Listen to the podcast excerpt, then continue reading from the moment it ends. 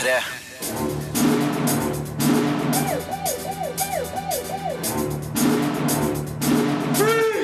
Filmpolitiet! What's your name, dude? Birger Vestmo. What kind of stupid name is that? Katniss Everdeen er tilbake i The Hunger Games Catching Fire. Hør hvorfor jeg syns filmen lir av oppfølgersyndromet. Julian Assange og Wikileaks er i fokus i filmen Den femte statsmakt. Jeg forteller hvorfor den bare er mildt engasjerende. Jeg skal òg forklare hvorfor premierefilmen Last Vegas nærmest gjør narr av sine skuespilleres kvaliteter, og hvorfor Fremmed ved sjøen er en original fransk thriller der eksplisitt sex hever kvaliteten. Men jeg tør påstå at det største vi skal ta for oss i dagens utgave av Filmpolitiet, er den forestående lanseringa av PlayStation 4, som er én uke unna. Vi har testa konsollen den siste uka, og gir våre førsteinntrykk i dag, samt full anmeldelse av PlayStation 4 NAC. Filmpolitiet anmelder film. You saved us. I know that. But I can't go on acting for the cameras and then just ignoring each other in real life. Den andre Hunger Games-filmen lir av oppfølgersyndromet. Vi får mer av det samme, men forholdsvis lite nytt. Regissør Francis Lawrence har noen visuelle S i ermet, men har en svak historie å fortelle. Det tar bl.a. 80 lange minutter før leikene i det hele tatt starter, og når de endelig bryter løs, er actionsekvensene skuffende blasse og veike. Det er bare Jennifer Lawrence i en sterk hovedrolle som hever kvalitetsnivået til middels, og avslutninga lover heldigvis økt temperatur i de to neste filmene. This is the 75th year of the Hunger Games. The Hunger Games er voldelige leker som avholdes en gang i året for å holde innbyggerne i Panems distrikter i sjakk. Men lederen av det totalitære regimet i hovedstaden Capital, president Snow, spilt av Donald Sutherland, er misfornøyd med Katniss Everdeen og Peta Millarks heltestatus, etter at begge kom fra de forrige lekene i live. Han ser hvordan de skaper opprørsstemning i distriktene på sin vinnerturné. Derfor tvinger han dem til å kjempe mot tidligere vinnere fra The Hunger Games i den 75. jubileumsutgaven. You understand that whatever I do, it comes back to you and mom. I don't want you to get hurt. Katniss Everdeen, spilt av Jennifer Lawrence, er fremdeles den mest interessante i persongalleriet, og er troverdig prega av hendelsene i den første filmen. Hun gjennomgår òg en utvikling i denne filmen som viser at hun kan bli en farlig motstander for regimet. Men som i absolutt alle filmer mynta på tenåringsjenta, rives hovedpersonen mellom to gutter. I dette tilfellet medvinner Peta, spilt av Josh Hutcherson, og det opplagte førstevalget Gale, spilt av Liam Hemsworth. Hver gang temaet berøres, faller dessverre temperaturnivået til nær null. Personlige forhold omtales med et fravær av følelser, engasjement eller person. Filmen tar seg heldigvis opp når The Hunger Games starter, under direksjon av den nye spillsjefen Plutarch Heavensby, spilt av Philip Seymour Hoffman. Men kjempinga foregår stort sett utafor bildet. 24 stridende reduseres raskt i antall uten at vi får ta del i det. Og når det skjer noe foran kamera, er det dreping av den svært snille og blodfattige sorten. Slik må det kanskje være, siden filmen er ment for et svært ungt publikum. Men eh, det blir ikke særlig spennende å se på. Her burde Francis Lawrence og manusforfatterne Simon Bofoy og Michael Arndt vært mye mer oppfinnsomme for å øke underholdningsnivået. Men arenaen er i det minste en god miks av dyp jungel, farlige utfordringer og effektiv datagrafikk. The Hunger Games Catching Fire føles som en transportetappe. Avslutninga, som sjølsagt ikke skal røpes, lover heldigvis en mer spennende utvikling, som kan gjøre det verdt å se fram mot film nummer tre og fire. Jeg syns nemlig at historiens bakteppe, med kamp mot et totalitært regime, er interessant og har potensial til en større filmopplevelse.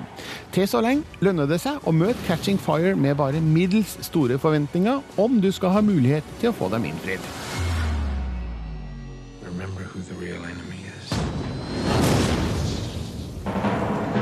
Terningkast tre.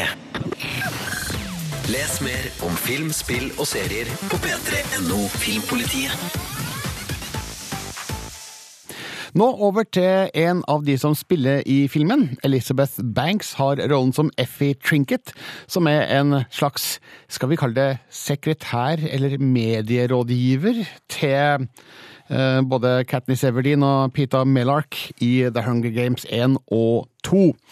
Hun forklarer til NRKs Daniel Eriksen at eh, hun er fan sjøl av både bøkene og de to filmene. You know, I generally am really proud of this movie. I think we have a great product, and I can't wait for people to see it. So I'm just excited to sort of give the fans the movie that I know that they deserve. Um, I, I've read some stories in Norway about um, this being, I mean, the, the movie that most fans are most crazy about. I mean, the web page is going down for five, six hours because of movie tickets and and the usual crowd that always gets the early tickets, they haven't gotten it for this movie because it's so crazy. What, what do you have to say to that? Because there has been some really good movies, but this seems like it has a really big fan base in Norway. It does. It does. I- You know, I'm a fan of the books and of Suzanne Collins' writing and of Katniss Everdeen as a heroine. And, you know, the, the movies are really faithful adaptations of those books. The, the books have sold over 50 million copies, um, probably more actually worldwide. And I think the you know we the first movie was a really good movie and really set up some uh, you know some really interesting and and beautiful. Um, uh, characters and you know set up Katniss Everdeen uh, on this incredible journey. And you know Catching Fire is the evolution of all of these characters. You know in the first film you have this young girl who just raises her hand out of instinct to protect her sister. And now she's growing into a warrior. She's growing into a woman and she's really assuming a position of power. And I mean it's a really um, for a young person to feel like that is their life it's so aspirational. And and I mean, for everyone, it, it is. And uh, uh, that's what I think is really catching fire about these movies. Uh, why do you think they're so popular with with um, yeah, with everyone really? Because it seems like everyone's seen them from eight year olds through yeah, as high as you want, really. Well, first of all, I just think they're really good movies. You know, we have a it's a it's essentially a superhero movie, but our superhero, uh, you know, has like her superpower is that she has a really strong moral compass and a love for family and can work a bow and arrow. Um, but you know, she's a superhero nonetheless. She's a real warrior and.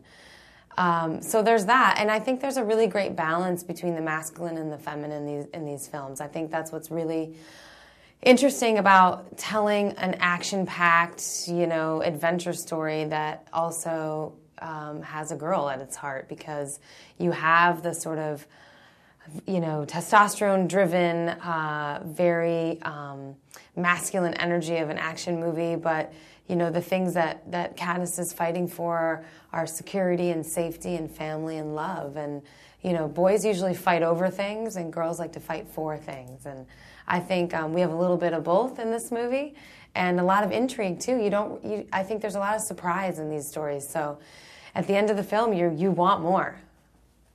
Uh, th- there's been some talk of um, that this movie is kind of a, a social critique in some way, and uh, I've even heard someone compare it to George Orwell's 1984. Sure, of course. uh, why is it, or how is it like that?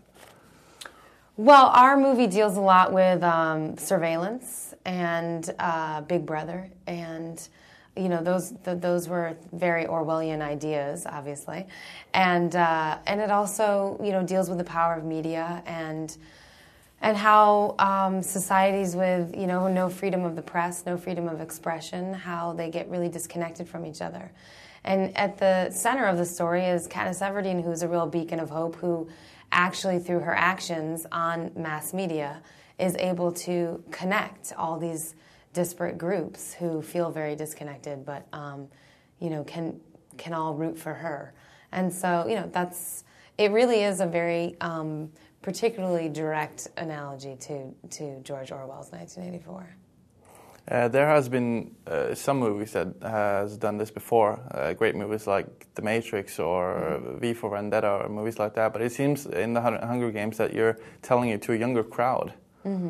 Uh, is that do they want it or do they need it or are you just serving it to them or? Well, I think people, I think the perception that we're serving it to a younger crowd is only because we have young people at the heart of this movie. I mean, if Katniss Everdeen were 35 instead of 20, you wouldn't say that about her. But, you know, she happens to be young. The Hunger Games happen to be about children. And um, it's really powerful when you think about that. I think everybody feels that children are vulnerable just by virtue of their age. And um, it was that vulnerability that really, I think, affected people in the first movie. You know, that sense of like how horrible it is to send young people into essentially a, a war, a war zone, if you will. And you know, I think we we send young people into war zones in this in this world that we live in, and whether they're 18 or 15 or 25, you know, I think any everyone's too young to go into that. Everyone's too young to be um, put in those situations, and it's always a little horrifying when you're confronted by it, and that's what these movies do. They're they're made only more powerful because these people are young. How about young people seeing it? Because it's really what strikes me with the movie is that, that it's really honest. The veil between the movie and and the society really is really thin. Yes. Um, and it's it's like honest violent. It doesn't have a lot of lot of action for the sake of the action, but it's honest That's right. violent. Um, but eight year olds can see this movie. Is that uh, is that too young, or is that okay You- now? an eight-year-old here can see this movie because in America, you Uh, if if you're with a parent. Oh, yeah, sure. yeah. I mean, I think first of all, you have to know your children. You know, there are some very sophisticated kids in the world today. Um, but you know, we made this movie for 13 and above, 12 and above, I guess.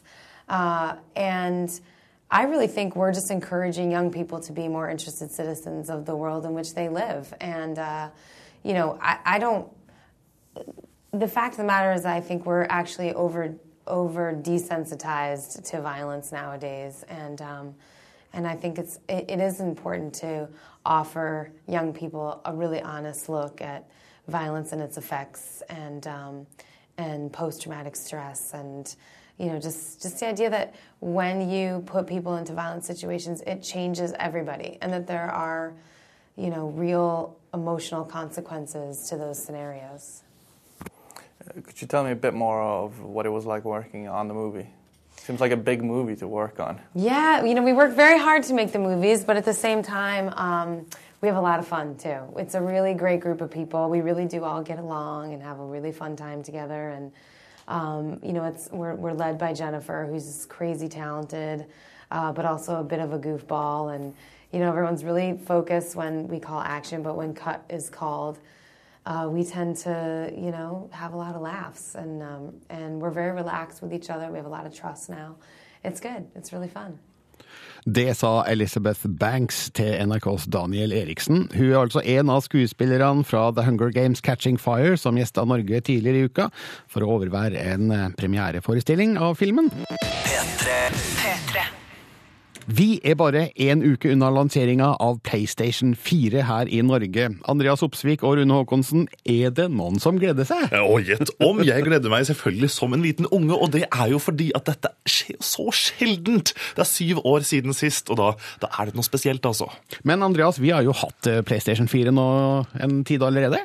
Ja, vi har lekt oss litt uh, siste uka, og eh, vi har, har vel egentlig kommet uh, Det er vel et godt uh, utgangspunkt, i hvert fall. Ja. Altså, det er dere to som Ja, har leket ja, litt. ja, ja, ja, Jeg har jo ikke engang sett konsollen for tvert. Den kom på kontoret, så ble den revet vekk. Ja, nei, De første inntrykkene som jeg sitter igjen med nå etter å ha brukt litt tid med konsollen, er at det er en konsoll som, som på flere punkter drar skal vi si, konsollspilling inn i fremtiden. Hovedsakelig først vil jeg kanskje peke på nettopp dette med spillstrømming. De siste dagene så har jeg sittet og strømma med mikrofon og prata og vist det jeg har spilt direkte ut på nettet. Og dette er en innebygd funksjon i den nye konsollen som gjør det veldig lett å dele spillopplevelser. Det er veldig ålreit. Mm. Men så må jeg også peke på selve eh, håndkontrolleren. Håndkontrolleren er jo Det er absolutt forbedringer fra den forrige. Jeg syns den, den ligger bedre i handa, for det første, og eh, egentlig styringselementer, altså som, som joysticken og, og knappene, føles ikke, Det føles bare bedre, da. Eh, Kanskje det er litt mer strømlinjeforma enn en det den, det har vært før. Ja, Tidligere så må jeg si at jeg var egentlig en, en tilhenger av Xbox 360 sine kontroll kontrollere over PlayStation 3, men med da DualShock 4 til PlayStation 4 så, så må jeg ta en ny vurdering, så det er mange flere gode ting her, altså. Men nå er jo de store spillene til PlayStation 4 ennå ikke her. Altså, du får ikke de optimale spillene til konsollansering. Nei, det har jo skjedd et par ting. Watchdogs annet har blitt utsatt, og det var en av storspillene som var venta ved lansering. Men jeg må jo også trekke fram uh, spillet Killzone Shadowfall, som blir anmeldt i neste uke her i Filmpolitiet. Uh, det er et stort og påkosta og et veldig vakkert altså det, det, ser veldig bra ut sånn rent teknisk, takket være konsollens ganske kraftig oppgraderte maskinvare. Men så har vi også spillet Knack, som er eksklusivt til PlayStation 4, da. Som du skal anmelde litt senere i dagens Filmpoliti. Litt senere så kommer dommen der. Andreas, du har testa Call of Duty Ghosts på PS4? Jeg har testa bare for å se litt forskjellen opp mot uh, Call of Duty Ghosts på PlayStation 3. Og uh, det, det, er absolutt mer gass. De kan kjøre det heftigere grafikk, de kan kjøre det bedre oppløsning. Og, uh, men sånn i det store og hele, det blir ikke nødvendigvis et bedre spill bare av at det er på en PlayStation 4. Så hvis jeg skjønner deg rett nå, Rune, det du sa i sted, at den, største, den største nyvinninga her, det er liksom den sosiale biten av spillopplevelsen? Ja, akkurat det at du kan strømme og dele spillopplevelsene dine så sømmelig sømløst. Både med de du har på vennelista, men også strømme det ut på, på, nettet. Det er viktig, og det kommer til å være et lite paradigmeskifte i spillbransjen, spør du meg. Er det bare jeg som syns at det her er ræl? altså, skal det må man, på, må man, på, død og liv dele alt? Jeg, jeg vil sette for meg sjæl og spille eh, helt uten eh, den store sosiale delebiten. Du vet hva, det er, det er et godt poeng. Kanskje det er et lite generasjonsskifte på gang her. For Let's Play-videoer og strømming av spill er veldig populært og er en ting som mange bruker mye tid på. Sony velger å gå i retning av å tilrettelegge for dette, og jeg tror det kommer til å bli mer av det. PlayStation 4 kan være en av ja, skal vi si, en av nøklene til, til, til, dette. Men det her er altså da førsteinntrykk og ingen konkluderende dom over PS4. Hvor lang tid trenger dere på, på, å få det? Du, Neste fredag Birger, så skal vi avgi full rapport, og da skal vi også komme med terningkast som gir vår endelige vurdering over PlayStation 4-konsollen. Ja, det er bra. Du kan vel skrive under på at det har vært en del dramatikk i denne konsollkrigen mellom eh, Sony på den ene sida og Microsoft på den andre under oppkjøringa til lansering her? Ja, og det toppa seg litt under E3-messa tidligere i år, hvor de to store, da Sony og Microsoft, gikk virkelig head to head for å vise seg fram for publikum. Det viste seg at Sonys valg, nei, Microsoft sine valg med f.eks. å alltid kreve en nettilkobling, eh, begrensa eh, mulighet til å dele spill med venner og såkalt kopibeskyttelse, det var ting som ikke falt så god i jord. Mm. Og en av sjefene måtte rett og slett eh, forlate skuta. Så at Xbox One har vært gjennom en litt sånn humpete vei, mens Sonys PlayStation 4 har klart seg ganske godt inn i mål. Du har snakka med sjefen for uh, PlayStation i Europa, ikke USA som jeg sa i sted, bare Europa, Jim Ryan. Yes. Og, og, og, de har dratt noen lærdommer fra, fra, det de gjorde med PlayStation 3. De har henta veldig mye fra hvordan, si, feilene de gjorde med PlayStation 3, nå som de skal komme med PlayStation 4.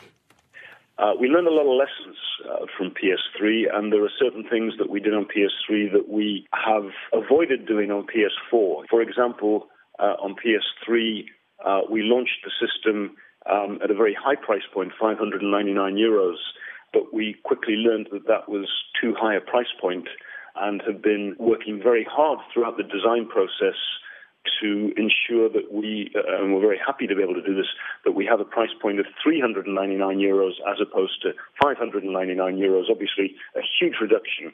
And that's, that was one lesson that we learned. Uh, I think another lesson would be that the uh, PS3 is an extremely uh, powerful piece of hardware. Some of the um, some of the chip technology that, that has gone into that is you know right up there at the edge.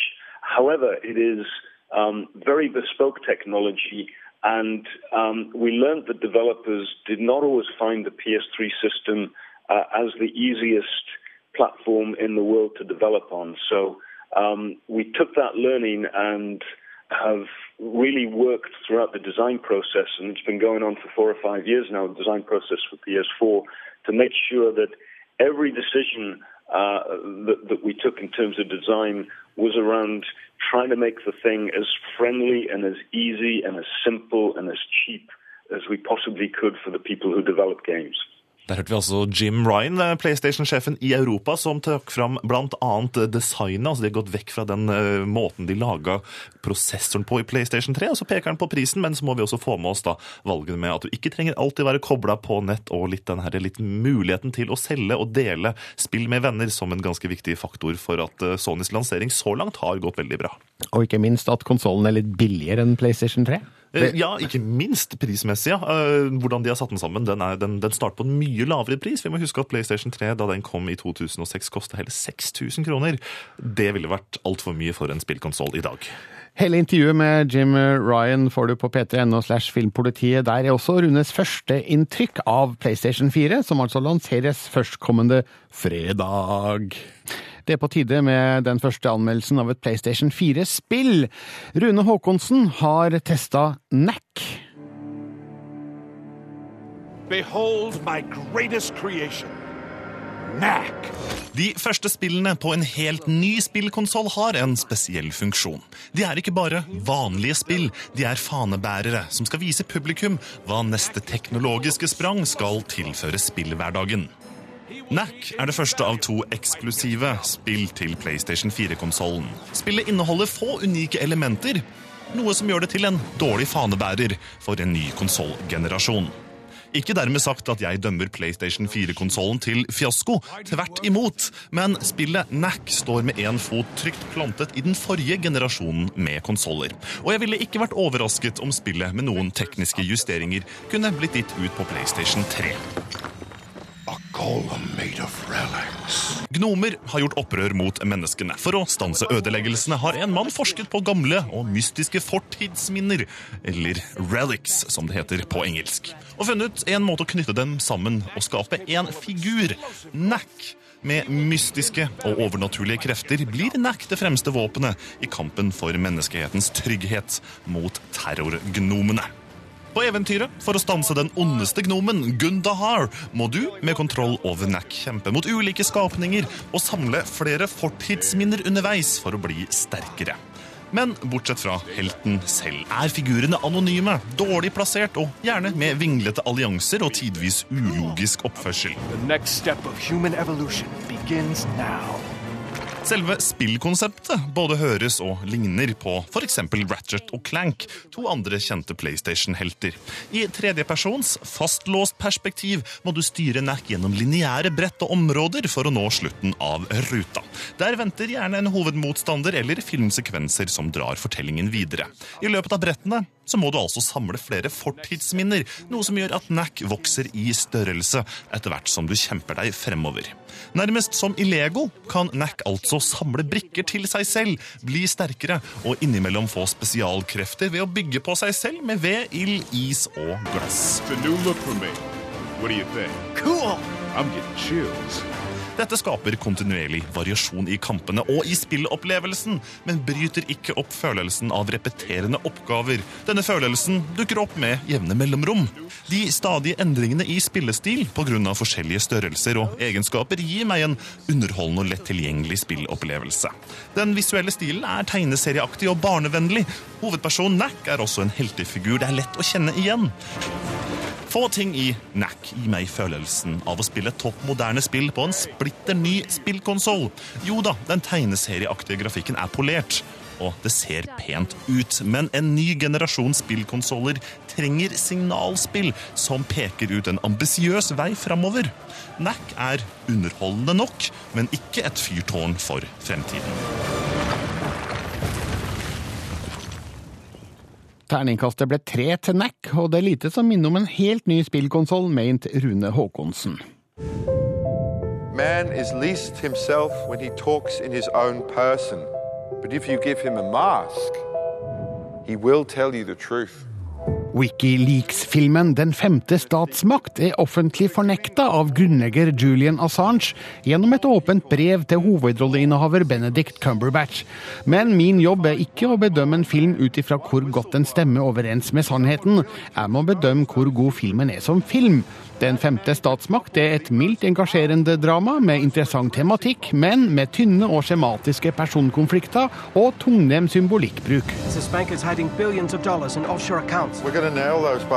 Historien fortelles gjennom Daniel Berg, spilt av Daniel Bryl, en ung dataprogrammerer som fatter interesse for Assanges aktivisme på internett og tilbyr sine tjenester når de møtes på en konferanse. Assange drar han inn i en organisasjon som han sier har hundrevis av frivillige, og som har store planer for dramatiske avsløringer. Men det skal vise seg at Assange ikke er helt ærlig angående Wikileaks sine ressurser. You.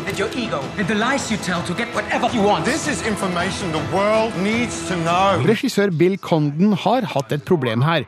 Hvordan dramatisere situasjoner som i utgangspunktet er ganske udramatiske? Han forsøker å få det her til å virke som en slags spionthriller, med krypterte telefoner, hemmelige meldinger og skummel overvåkning. Men Condon bruker òg unødvendige virkemidler. De visuelle grepene med å plassere Berg og Assange i et endeløst kontorlandskap med sandgulv er feilslåtte. Når Berg-figuren begynner å ødelegge skjermer og lysrør i det her drømmebildet for å underbygge en dramatisk konfrontasjon med Assange, får jeg følelsen av å se filmatisk conflicts? Benedict Cumberbatch skuffer selvsagt ikke. Hvor godt hans Assange stemmer overens med virkeligheten, har jeg ingen formening om, men han skaper en interessant figur som kun glimtvis avslører ting om seg sjøl som kan forklare hans personlighet og engasjement. Han møtes godt av Daniel Bryl, en skuespiller jeg lenge har likt godt gjennom filmer som Goodbye Lenin, Inglorious Bastards og Rush. Hans rolle som Daniel Berg er en sympatisk vei inn i historien, der han spiller en ung og kanskje blåøyd datahacker som får lese på seg ansvar og risiko som han kanskje ikke er klar for. Coming after us. We need to publish now. This is the biggest leak of classified information in history. Condons skildring av Wikileaks sitt samarbeid med The Guardian, Der Spiegel og New York Times er blant det mest interessante, spesielt gjennom forholdet til journalisten Nick Davis, spilt av David Tevlis. Jeg liker òg hvordan filmen lar Assange gå til angrep mot filmen sjøl og de to bøkene den er basert på. Dessverre heller ikke hele filmen samme kvalitetsnivå. De fleste personkonfliktene er tamt skrevet, og dramatikken avtar mot slutten når den egentlig burde ha eskalert. Når man tenker på hvor god The Social Network ble om Facebook, er det synd at Den femte statsmakt ikke ble bedre om Wikileaks.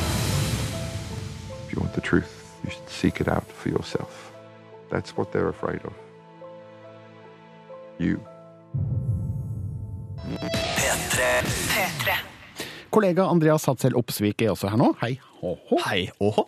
I går starta det en ny TV-kanal i Norge som heter TV6 fra Viasat-systemet. Eh, Og i dag slår de til med litt av en seriepremiere. De åpner med ganske kraftig, egentlig, med en, en serie som vi har satt har eh, holdt tilbake en liten stund, eh, nemlig The Americans. Som da er en, en spionthrillerserie fra um, godeste FX.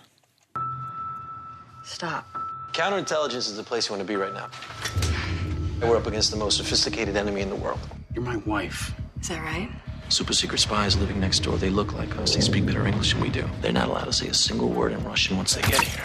And you make any noise, I will kill you. President Reagan is outraged that the KGB thinks it can kidnap someone with impunity on American soil. Our war is not so cold anymore, Elizabeth. Det var litt lyd fra The Americans, som altså er en eh, spionthriller med den kalde krigen som bakteppe, og et eh, ektepar eh, i fokus.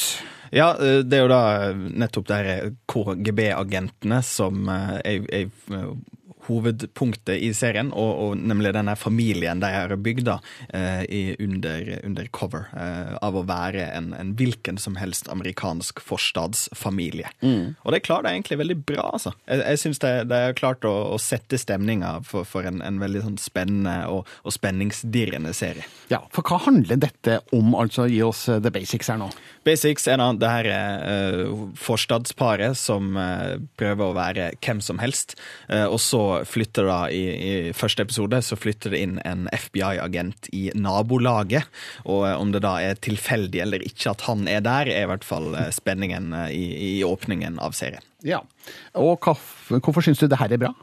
Det er bra, nettopp fordi at det, altså, vi har jo sett sp- spionthrillere før, og vi har sett eh, på en måte spenningsserier, og vi har i hvert fall kalde krigen, burde en jo tenke at vi var ferdig med for lengst. Ja. men, men nettopp ved å sette fokus på, på familieforholdene og hvordan det påvirker deres arbeidsdag. Da. For de har jo de har to barn. Som selvsagt ikke har noe med det her spiontrilleriet å gjøre. De er rett og slett bare der for å, gjøre illusjonen sterkere. Og måten de knytter sånne fullstendig vanlige hverdagsproblemer opp mot det å være um, spioner, er en, gir en ekstra dimensjon da, som jeg syns er, er veldig stilig. Jeg ser på rollelista her. eh, Kerry Russell, Matthew Riss og, Holly Taylor.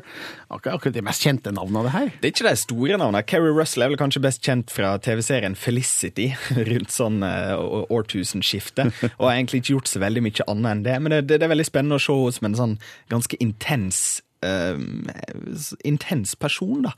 Uh, noe helt annet enn det hun, hun kanskje er best kjent for. Uh, mens Matthew Reece, som vi har sett i Brothers and Sisters f.eks., uh, er en litt annen figur. Han er nesten litt mer sånn litt sånn humor-sidekick i, Ja. en, i en serie som ellers er altså Det, det, er ikke en humorserie, vi, vi snakker et drama her, men da med de hverdagsmorsomhetene. Nå skal altså The Americans eh, gå på TV6 eh, på fredager fremover, med premiere i kveld klokka 21.30. Eh, Som du sa, Viasat har holdt på denne serien nå i påvente av den kanalens premiere. Eh, Er det verdt å bruke tid på The Americans? Jeg syns absolutt at eh, anslaget her er interessant, og TV-serien har allerede fått godkjent for en andre sesong, så det blir mer spionthriller i framtida. Takk skal du ha, Andreas Hatzel Opsvik. Filmpolitiet. Det er for så vidt hyggelig å tilbringe tid sammen med herrene Douglas, De Niro, Freeman og Klein. Men de spiller i en film som nærmest gjør narr av deres fordums storhet og deres opplagte kvaliteter som skuespillere. Last Vegas er nemlig en tynn suppe av småhumoristiske ablegøyer i Las Vegas, som praktisk talt ber om å bli sammenligna med den overlegne komedien The Hangover. Der taper gamlekara med et brak, men gjør det i det minste med et smil. Hey, Billy. Billy! How you doing? What's going on? I got something important here, right? Billy, spilt av Michael Douglas, skal gifte seg med sin unge kjæreste og invitere sine gamle kompiser Paddy, spilt av Robert De Niro, Archie, spilt av Morgan Freeman, og Sam, spilt av Kevin Klein, til Las Vegas for et siste utviklingslag. Men det skal vise seg at forholdet mellom noen av dem ikke er det aller beste, samtidig som den vakre barsangeren Diana, spilt av Mary Steenburgen, har en spesiell effekt på dem som kan forandre en hel del. Tonight, we're gonna party like it's 1959. Filmen er søt og hyggelig, og det er nettopp problemet. Det er for mye kos. Det gjør at problematikken som rulles opp, aldri kan tas fullt på alvor. Den gamle historien som skaper uvennskap mellom Billy og Paddy, fortelles på en forenkla måte som svekker den emosjonelle slagkraften. Douglas og De Niro gjør en god innsats, men har et for tynt manus å støtte seg på. Oh, see og Klein er med på lasset. Deres små problemstillinger i filmen er betydningsløse. Men samla ser jeg konturene av en film som forteller hvordan menn må kjempe for å holde på egenrådigheten i takt med økende alder. Det handler òg om hva som er viktig i livet, og de forutsigbare svarene kommer ikke som noen stor overraskelse.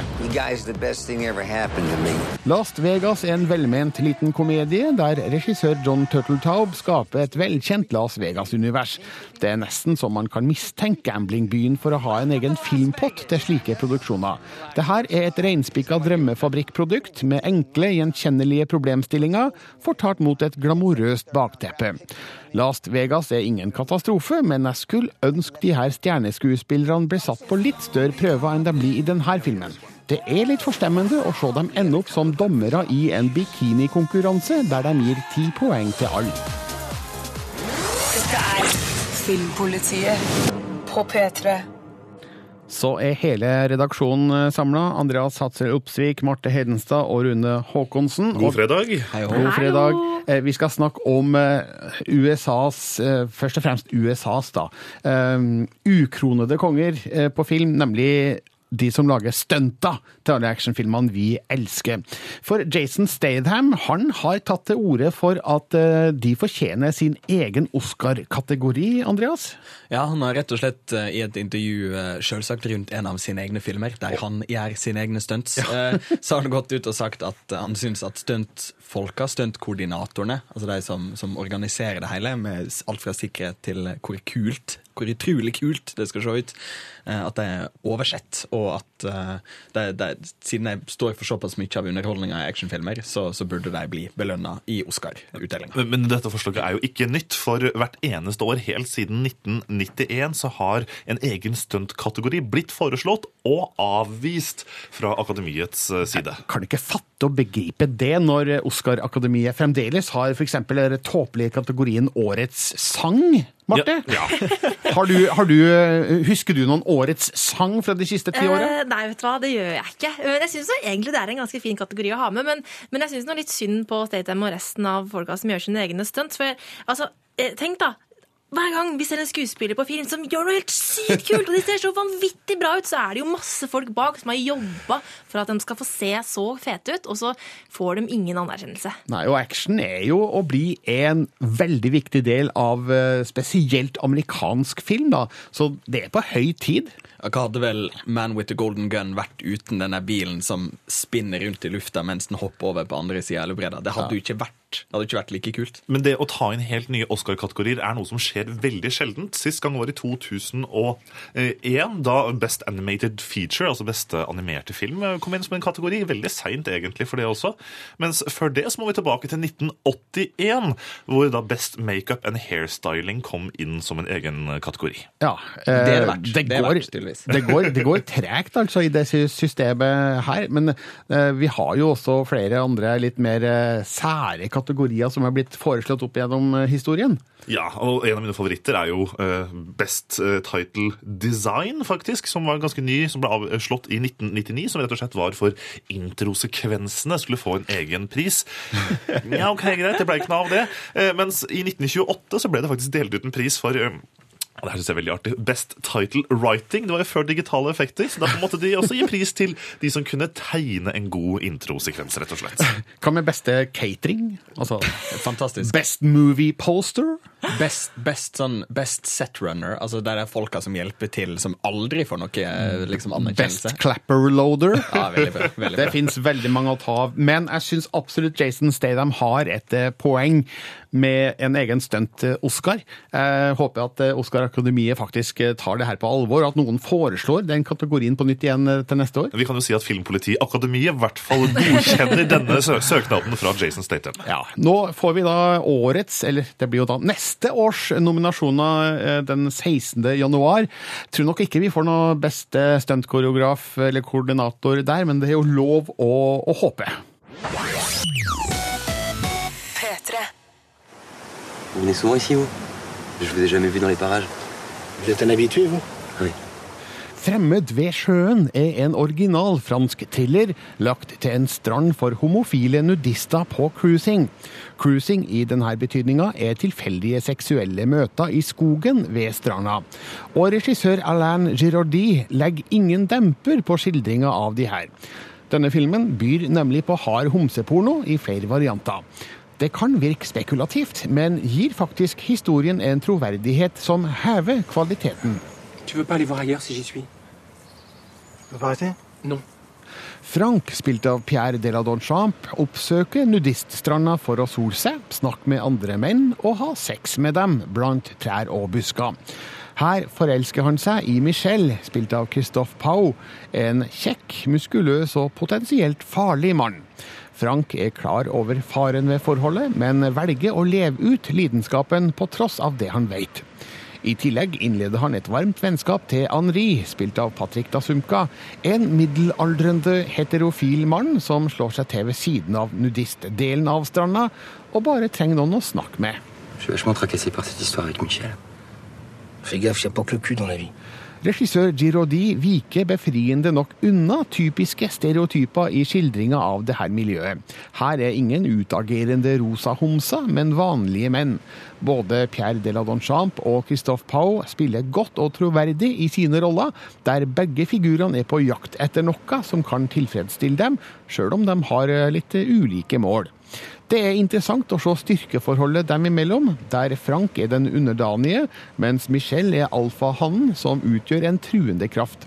Dessuten er dialogen mellom Frank og Henri befriende åpen og ærlig, og gir innsikt i deres personligheter og historien som utspiller seg på stranda. Det er chaque fois qu'un mec me plaît, faut qu'il soit déjà avec quelqu'un. Ça a l'air sérieux leur histoire.